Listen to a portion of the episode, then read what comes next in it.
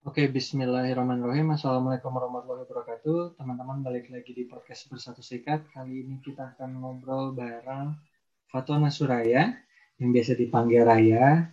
Nah, kita akan coba ngobrol-ngobrol pengalamannya sekolah di mana-mana ini. Sekolahnya mungkin di tempat-tempat tapi belajarnya ini ke mana-mana. Nah, tapi sebelum itu kita akan kenalan dulu, boleh dong kenalan dulu. Uh, Raya, silahkan. Sekarang aktivitasnya apa jadi? Oke, terima kasih Puji. Uh, perkenalkan, nama saya Fatona Suraya, biasa dipanggil Miss Raya. Saya dosen di Fakultas Ilmu Keolahragaan. Saya mengampu mata kuliah Bahasa Inggris Olahraga dan beberapa mata kuliah jurnalistik olahraga uh, uh, penulisan karya ilmiah. I see. Nah dulu background berarti emang kuliah di olahraga atau di bahasa Inggrisnya nih? Oke, menarik banget pertanyaannya. Makasih banyak yang kepo juga ya. Ini kok apa orang olahraga kok ngajarnya bahasa Inggris gitu. Kalau backgroundnya murni bahasa Inggris. Jadi S1 saya itu pendidikan bahasa Inggris. Dan Alhamdulillah sepanjang S1 itu sempat dapat beasiswa Fulbright ya, exchange student ke Tennessee selama setahun. Terus selesai S1 langsung ada tawaran beasiswa Budi LN waktu itu buat S2 double degree di Ohio State University. Itu juga ambilnya bahasa Inggris. Jadi saya itu murni pendidikan bahasa Inggris untuk S1 dan S2 Cuman waktu uh, ada formasi lowongan dosen, kebetulan formasinya memang bahasa Inggris olahraga gitu di di di Fakultas Ilmu Keolahragaan. Jadi why not? I just take the chance and here I am gitu. Jadi background olahraganya ya ikut olahraganya setelah saya masuk di FIK itu gitu, Puji. I see. Dan akhirnya terus berlanjut uh, berkarir di bidang ini ya, gitu. Nah, tapi iya, kita berlanjut dulu nih, Raya, kita mundur dulu sedikit. Mm -hmm. Sebelum okay, masuk sure. sebelum masuk kuliah, nah waktu itu mm -hmm. apa sih yang jadi cita-citanya Raya? Karena kan anak SMA nih mikirnya, oke okay, saya mau jadi apa ya gitu dan akhirnya milih kuliah jurusan apa. Nah waktu itu apa mm. tuh yang ada di benak Raya pas masih SMA ya gitu? Persiapan masuk kuliah? Jadi jujur aja dulu tuh sama sekali tidak terpikir dengan bahasa Inggris erol. Waktu SMA itu saya kepinginnya masuk ke jurusan kedokteran karena kan siapa sih yang nggak punya cita-cita jadi dokter? Kalau ditanyain anak-anak pasti semua cita-citanya jadi dokter, jadi pilot gitu. Nggak ada yang cita-citanya jadi guru tuh jarang banget lah gitu. Orang tua saya dua-duanya guru gitu. Jadi mereka sebenarnya lebih mengarahkan saya ke UNES aja jadi guru seperti mama seperti papa. Kayaknya hmm. itu the power of doa ya the power of doanya orang tua ya. Karena kan sekolah kedokteran everybody knows it's super expensive and it's difficult gitu. Jadi saya termasuk yang prestasinya lumayan tapi sayangnya nyoba kedokteran sini sana nggak ada yang keterima terus nurut sama orang tua. Karena prinsip saya itu memang ridho Allah ada pada ridho orang tua. Jadi orang tua ridho yang mana itu yang saya ikutin. Orang tua ngarahin nih, kamu ambil lo di UNES, buat cadangan aja nanti, buat jaga-jaga aja. Bener aja saya ambil uh, di UNES itu jalur PMDK ya, yang jalur prestasi. Waktu itu namanya PMDK, jalur prestasi. Jadi tesnya jauh lebih awal. Saya ambil, Kenapa saya ambil bahasa Inggris? Waktu itu pikiran saya cuma satu. Saya itu pengennya jadi dokter, jadi saya nggak mau belajar susah-susah buat masuk UNES. Saya cuma mau apa yang udah saya bisa dan saya udah bisa bahasa Inggris. Jadinya saya nggak perlu mempersiapkan untuk masuk UNES nih. Nanti waktu tes saya tinggal datang aja tes gitu, ngelega kayak wong tua gitu. Biar orang tua artinya udah lega, oh anaknya udah nurut nih, udah mau ikut masuk seleksi UNES gitu. Jadi saya ambil bahasa Inggris yang saya nggak usah belajar jadi saya bisa fokus belajar buat persiapan persiapan kedokteran gitu. Jadi saya belajarnya lebih yang fisika, kimia, matematika gitu. Masuk UNES, masuk aja di jurusan yang menurut saya lumayan mudah biar bisa keterima, biar orang tua lega gitu. Terus malah surprisingly keterima, alhamdulillah. sampai tahap akhir tak ikutin karena itu perintah orang tua ya saya ikutin aja keterima gitu jadi dan ketika sudah keterima itu kan pengumumannya di awal karena PMDK harus dibayar nih. Mama papa bilang nggak apa-apa dibayar aja buat jaga-jaga biar ayam kok udah dapat sekolah gitu. Nah tapi nggak pingin jadi guru gitu. Udah buat jaga-jaga aja nanti kalau keterima tempat lain nggak apa-apa kalau itu dilepas nama papa ikhlas gitu. Ya udah karena mereka ngarahin gitu saya ikutin tuh ikut aja. Begitu masuk di UNES itu masih nggak nyaman tuh kan? Karena kan itu bukan jurusan pilihanku masih pengen cari yang lain gitu. Masih pengen cari yang lain tapi kok lihat ada uh, selebaran beasiswa beasiswa Fulbright gitu. Nyoba beasiswa Fulbright plus beasiswa Jarum. Nyoba beasiswa Fulbright keterima jadi paham paham mungkin ini agak loncat ya ceritanya ya. Jadi tadi intinya saya daftar ke kedokteran nggak ada yang keterima. Terus saya nyoba-nyoba stan juga nggak keterima eh malah lihat ditempel di papan pengumuman beasiswa Fulbright saya nyoba kok malah lolos tahap satu lolos tahap dua lolos tahap tiga. Sampai akhirnya saya yakin ya Allah ternyata ini toh hikmahnya. Saya nurut sama orang tua tuh ini hikmahnya. Allah tuh mau bukakan jalan dari hal yang hal yang hal hal yang tidak terduga gitu. Nggak ada bayangan kayak gini sebelumnya gitu.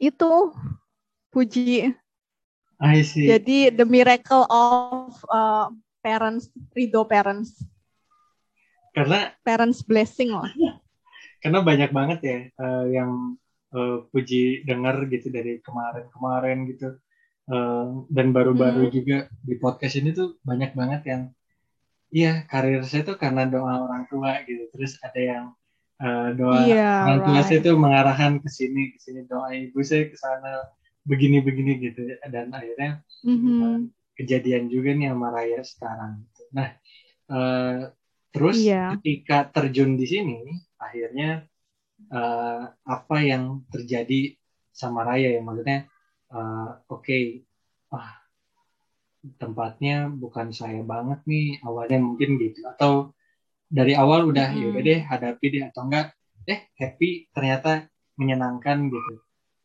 nah yang pas hmm. dijalanin tuh gimana tuh kondisinya kalau saya itu prinsipnya itu always do your best in whatever condition. Jadi selalu lakukan yang terbaik dalam kondisi apa pun. Walaupun saya waktu keterima di UNES itu bukan pilihan saya dan I don't like it, tapi ketika saya sudah di situ, I have to do my best. Itu prinsip saya. Di mana pun itu, entah itu pilihan saya atau enggak, ketika saya sudah di situ berarti it's Allah destiny. Ini sudah merupakan takdir Allah ya. Kita kan menjalankan perintah Gusti dan kita harus menjalankan dengan our best gitu, melakukan dengan yang terbaik. Jadi prinsip saya walaupun saya nggak suka, saya tetap bakal lakuin yang terbaik gitu, sambil mencari peluang yang lebih baik. Waktu itu semester 1 alhamdulillah kumlot dan dengan kumlotnya itu yang tadinya nggak suka dan nggak termotivasi jadi lebih termotivasi oh aku di sini ternyata lumayan gitu jadi jadi jadi ada seneng senengnya gitu karena karena ternyata uh, di jurusan ini ada penghargaan juga nih buat aku. Kalau aku nggak terlalu suka aja bisa menghasilkan sesuatu yang lumayan, apalagi kalau coba aku tekunin dan aku dalami gitu. Terus ada satu lagi cerita nih, dulu itu pernah waktu kecil ya, orang tua itu ngajak ke rumah saudara. Saudara saya itu uh, dapat beasiswa ke luar negeri anaknya. Orang tuanya bangga banget dong tuh. Ini loh anakku sekolah di Jepang gitu mama sama papa itu sebulan itu bisa beberapa kali menceritakan hal itu waktu kita makan, waktu kita ke mana. Kayaknya mereka tuh kepingin gitu loh besok anaknya tuh bisa kayak gitu. Jadinya ketika saya lihat selebaran itu, selebaran Fulbright yang ditempel di papan pengumuman, itu saya jadi inget mama sama papa. Mama papa dulu waktu Raya kecil sering cerita kok itu Tante Penny itu dia sekolah di Jepang, dapat beasiswa loh, no, pinter banget gitu. Mereka nggak pernah nyuruh saya harus seperti itu nggak pernah. Tapi bagi saya yang mereka katakan itu adalah sebuah doa dan harapan yang tidak sempat terucap gitu.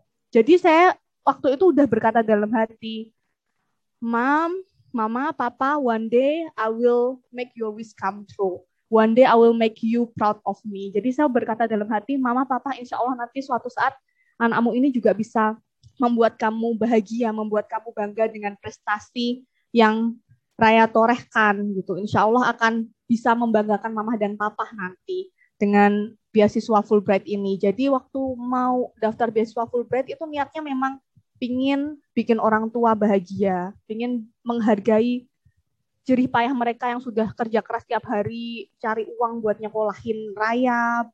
Maksudnya Raya itu anak yang kalau dalam hal pendidikan minta difasilitasi gitu. Jadi mereka tuh benar-benar kerja keras untuk memfasilitasi pendidikan Raya. Dan I want to prove that there is a result from that. Ada hasil dari kerja keras mereka itu gitu. Jadi memang niat itu menurut saya sangat mempengaruhi jalan kita dan hasil dari usaha kita. I see. Menarik ya karena uh, beasiswa Fulbright itu juga terjadi saat uh, lagi kuliah S1 itu kan? Iya, lagi kuliah S1 dan nggak yakin dengan jurusan yang diambilnya. Iya. Yeah. yakin banyak kok banyak pasti banyak mahasiswa-mahasiswa itu yang nggak mantep sama jurusan yang diambilnya saat ini.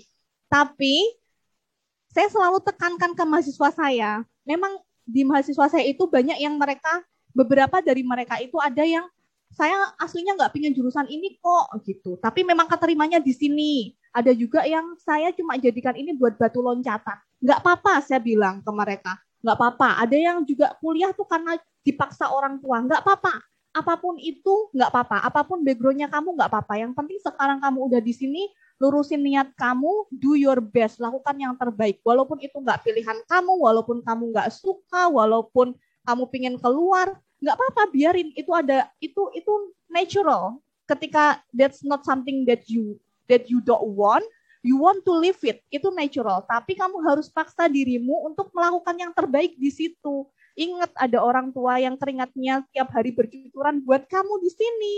Ingat ada keluarga yang mengharapkan masa depan kamu yang baik gitu. Jadi saya saya sering di pertemuan pertama utamanya kalau waktu perkuliahan itu saya ceritakan background saya bahwa dulu saya nggak mau di jurusan ini, tapi I can prove it that with uh, apa dengan niat yang dengan niat yang tulus dengan meluruskan niat dan dengan prinsip bahwa di mana pun itu kamu harus lakukan yang terbaik, you can prove it that pasti ada hikmah di balik semua itu gitu. Jadi mahasiswa saya yang kayaknya nggak nggak semangat kuliah, nggak boleh kamu kalau udah masuk terus kamu nggak semangat itu nggak boleh karena tugas kamu itu melakukan yang terbaik gitu. Selalu saya bilangin gitu ke mereka karena saya inget flashback lagi ke masa lalu saya bahwa saya dulu nggak suka tapi saya berprinsip I have to do my best. Wah, menarik, menarik. Nah, waktu akhirnya kan juga uh, Raya berproses ya gitu ya. Akhirnya berangkat ke sana mm-hmm. gitu terus balik lagi. Mm-hmm. Nah, setelah ke sana dan balik lagi, apa tuh yang Raya pelajari gitu? Pembelajaran apa yang paling bermakna terkenang gitu ya dari sana yang akhirnya juga sampai hari ini Raya pegang teguh juga tuh pembelajarannya. Pertanyaannya cukup challenging ya karena itu kan uh, cukup ya cukup proses yang cukup apa proses yang panjang ya. Saya di sana itu satu tahun benar-benar bahasa Inggris saya itu ketika saya di dalam negeri mungkin cukup glowing ya bahasa Inggrisnya karena kan saingannya sama-sama di dalam negeri tapi when you are there and you are surrounded with native speaker ketika di sana dan dikelilingi oleh orang-orang yang itu adalah bahasa asli mereka, kamu tuh kayak nothing gitu. Kamu tuh kayak bahasa mereka tuh udah yang bahasa gaul, yang bahasanya yang ngomongnya itu cepet, kamu tuh wah saya bisa survive di sana itu memang bener-bener cuman karena pertolongan Allah. Karena sendirian berangkat ke sana ya. Nggak nggak dibayang jangan dibayangkan berangkat itu ada pendampingnya tuh nggak ada. Bener-bener sendirian. Uh, pertama kali naik pesawat zaman tahun 2009 dulu kan belum belum banyak aktivitas untuk naik pesawat terbang tuh belum se belum semurah sekarang gitu. Masih sesuatu yang fancy sesuatu yang eksklusif berangkat sendirian anak orang loh ini masih gadis sendirian ke luar negeri dengan model bahasa Inggris yang pas-pasan tapi alhamdulillah bisa sampai di sana dengan selamat dan malah bisa uh, dengan sendirinya saya itu bisa menjadikan saya mampu menjadi diri saya yang sesungguhnya gitu. Jadi kalau kita di sini itu kan kita udah punya lingkungan tuh. Kita udah tahu tuh lingkungan kita punya ekspektasi apa terhadap kita. Jadi kita kayak menyesuaikan diri, membentuk diri kita itu agar bisa memenuhi ekspektasi lingkungan. Tapi ketika kita di sana sendiri, di dunia yang baru, nobody knows you, nggak ada seseorang pun yang tahu kamu, you can be yourself. Kamu bisa jadi dirimu sendiri. Dan waktu saya menjadi diri saya sendiri itu, menurut saya luar biasa banget, karena justru saya merasa lebih diterima dan lebih diakui ketika saya menjadi diri saya sendiri. Malah saya dulu di sana itu julukannya itu princess. Jadi semua orang di saya kuliahnya di Tennessee ya, di Maryville College Tennessee. Itu semua orang kalau panggil saya Princess Suraya. Karena mereka melihat personality saya ketika itu yang benar-benar open. Saya berjilbab, tapi pribadi saya itu maksudnya bukan open secara physically open enggak ya, tapi spiritually open. Jadi saya itu benar-benar terbuka sama orang, apa welcome banget sama orang baru mau banget belajar gitu. Dan ketika pulang ke Indonesia, karena di sana kan sangat liberal, sangat orang-orang tuh benar-benar terbuka menghargai kita banget. Ketika pulang ke Indonesia, saya yang tadinya nggak seterbuka itu, saya yang tadinya agak tertutup itu jadi lebih berani dalam berpendapat, lebih berani dalam mengungkapkan uh, whatever inside you gitu. Nggak nggak hanya gimana nih caranya biar aku diterima, tapi uh, bagaimana bisa menyampaikan pesan ini dengan cara yang baik sehingga bisa diterima bukan cuma minta minta gam cara gampang instan untuk diterima tapi bisa mengemas sedemikian rupa biar uh, biar yang kita maksudkan itu tersampaikan tapi juga mereka yang mendengarkan itu bisa menerimanya dengan baik gitu. Kalau yang sebelumnya itu kan cuman kayak yang pokoknya gimana biar lingkungan aku bisa nerima aku deh gitu. Kalau yang sekarang tuh gimana caranya bisa menyampaikan apa yang aku mau tapi dengan cara yang tetap bisa diterima orang banyak gitu. Jadi lebih ke self confidence, lebih ke uh, communication skill itu yang banyak berubah dan banyak banyak banget aku pelajarin di sana. Menarik. Dan akhirnya setelah itu uh, balik lagi ke Indonesia. Nah, mm-hmm. apa yang Raya lakukan ya? Karena kan kalau di sana tadi Raya cerita posisinya adalah Raya bisa menjadi diri sendiri gitu. Nah, apakah di Indonesia mm-hmm, ini pas mm-hmm. balik setelah itu kan istilahnya udah nih mau lulus kuliah nih terus juga mm-hmm, Raya juga akan ambil sekolah lagi kan gitu. Nah, ada perubahan berarti nggak? Ada ada momen berubah lagi menjadi sesuatu lagi nggak? Atau apa ya istilahnya uh, tadi kan confidence-nya dapat gitu. Nah, mm-hmm, setelah mm-hmm. itu apalagi tuh yang uh, Raya nih berprosesnya ke arah mana sih gitu. Mm-hmm.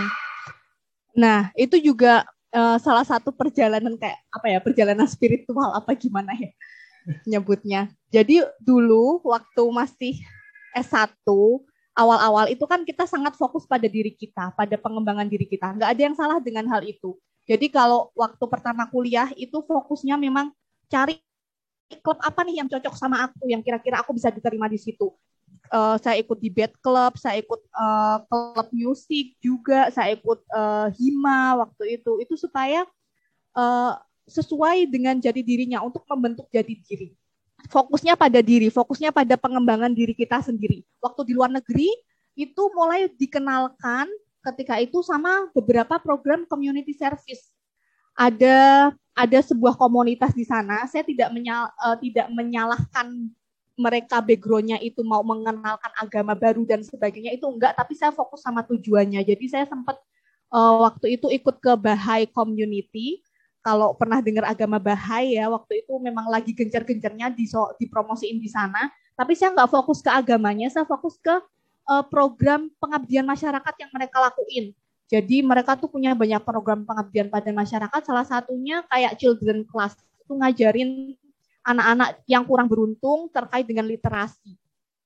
Literasinya itu diselipit dengan uh, moral value yang menurut saya bagus banget dan buat saya yang non native speaker dengan background ESL dengan background English as a second language dengan background uh, apa itu TESOL teaching English to speaker of other language. Jadi saya itu harus mengajarkan Inggris ke ke non English speaker itu latihan latihan community service itu bagus banget.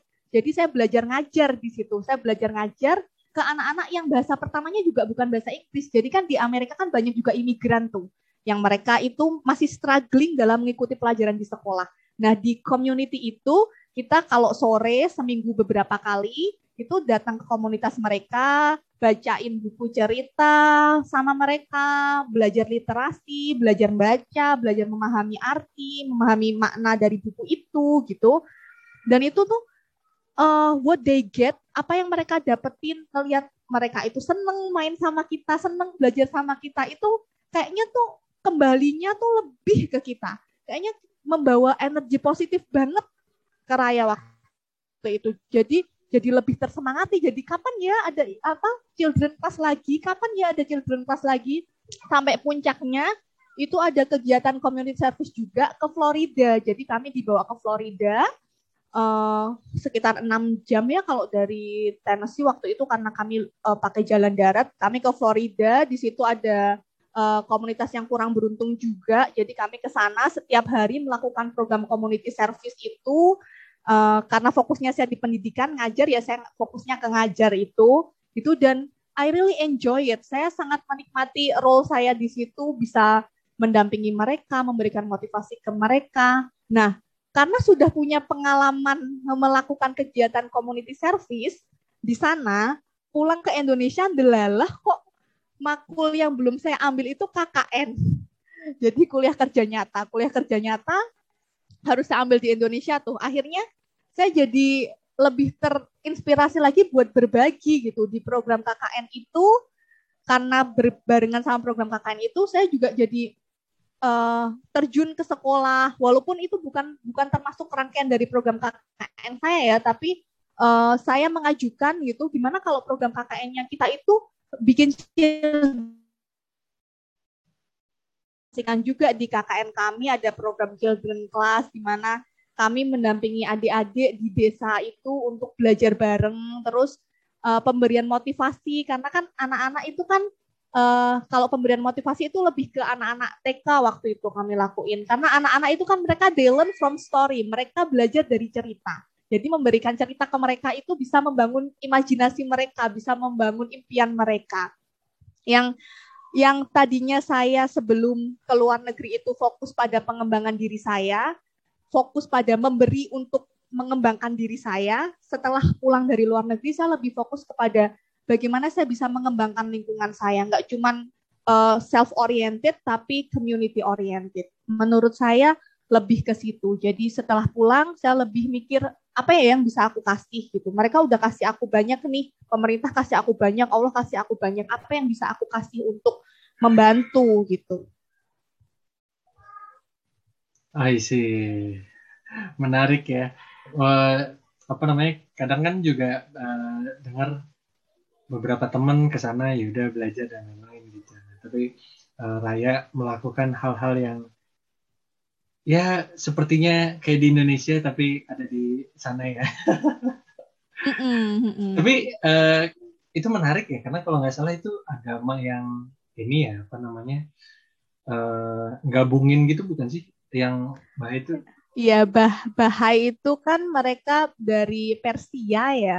Mereka itu agama Persia tadinya karena orang-orang komunitas Bahai itu wajahnya ke Middle East Middle Eastern karena dari Persia. Saya bilang ini bukan bahaya, ah ini Islam, kamu kan sembahyang juga, saya bilang gitu. bukan, no, no, no, no, we recognize, kata dia, we recognize that there is all the religion. Jadi dia itu mengakui bahwa ada semua agama itu di dunia ini, tapi kami itu menganut ajaran Bahai.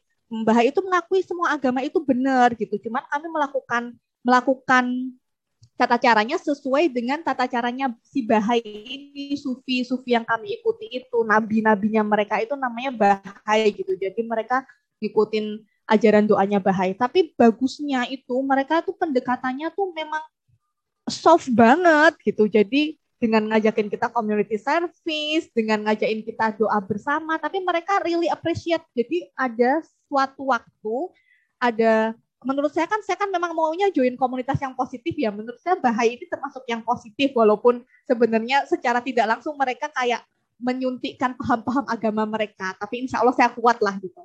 Nah suatu hari itu ada jamuan makan dengan orang-orang bahai.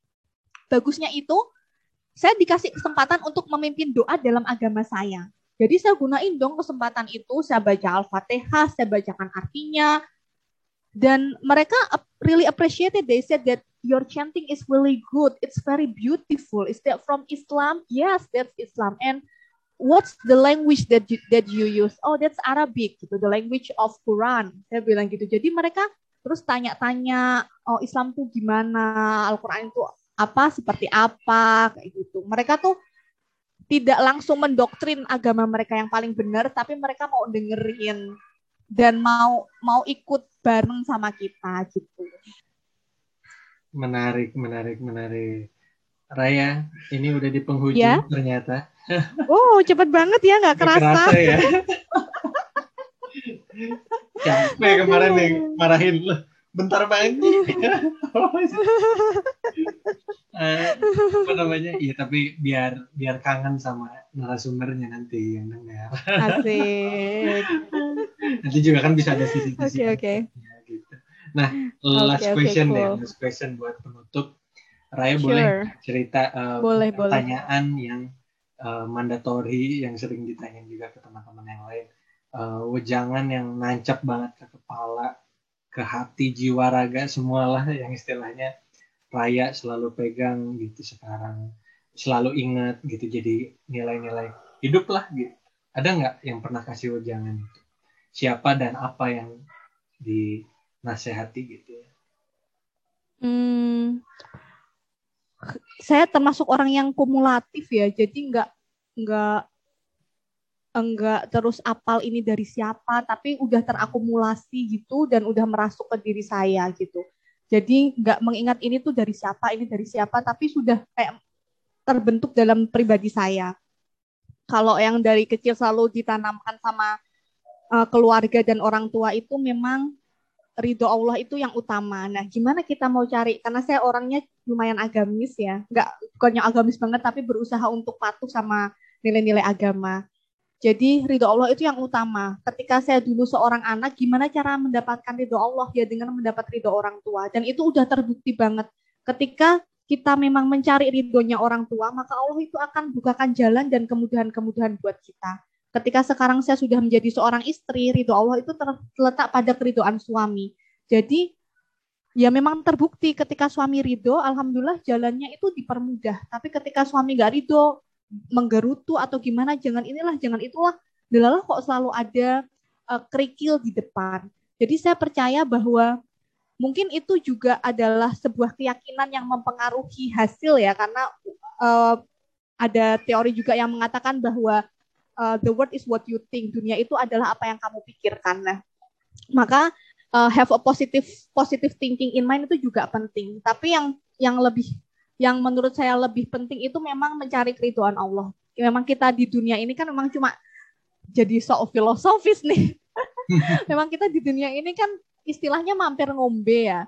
Jadi cuma sebentar gitu tahu-tahu rasanya baru kemarin SD tahu-tahu sekarang udah punya anak SD rasanya baru kemarin dapat beasiswa jarum tahu-tahu sekarang ngobrol sama Puji dan udah se 12 tahun kita jadi alumni beasiswa gitu nah belajar dari itu, belajar dari bahwa time flies itu benar, waktu itu benar-benar menghilang begitu saja, maka kita harus ingat bahwa tugas kita di dunia ini apa? Menjadi apa? Sebaik-baik manusia adalah yang paling banyak memberi manfaat bagi orang lain. Itu juga penting banget.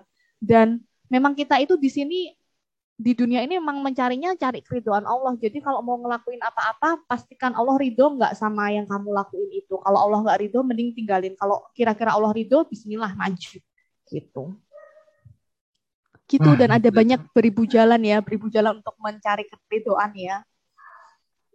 Betul, betul setuju dengan apa ya?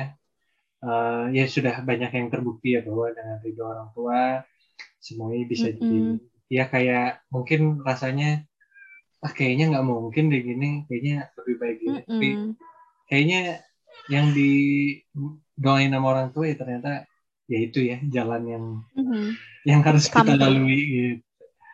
Raya, thank you banget nih. Aduh, inspirasinya kurang banget karena masih banyak yang bisa digali, tapi nanti semoga bisa ada di sesi-sesi berikutnya.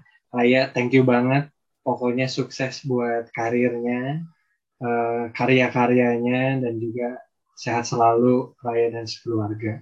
Makasih udah berbagi inspirasi. Semoga juga jadi apa ya manfaat buat teman-teman teman-teman juga jadi semangat lagi untuk mengejar mimpi-mimpinya seperti Raya mengejar apa ya mimpi-mimpinya dengan apa ya melakukan yang terbaik di setiap kesempatan gitu. Right, right.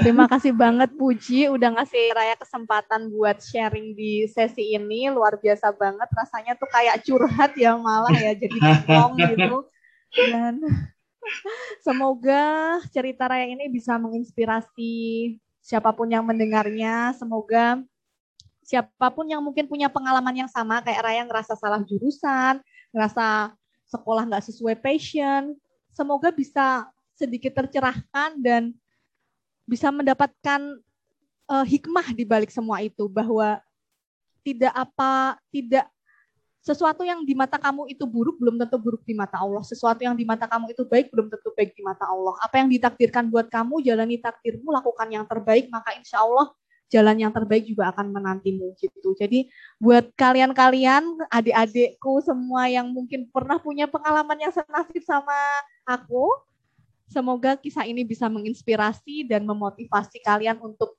be the best version of you. Mantap. Raya, thank you banget ya. Uh, thank you Puji. Harus harus ada semoga... sesi berikutnya nih. semoga kita.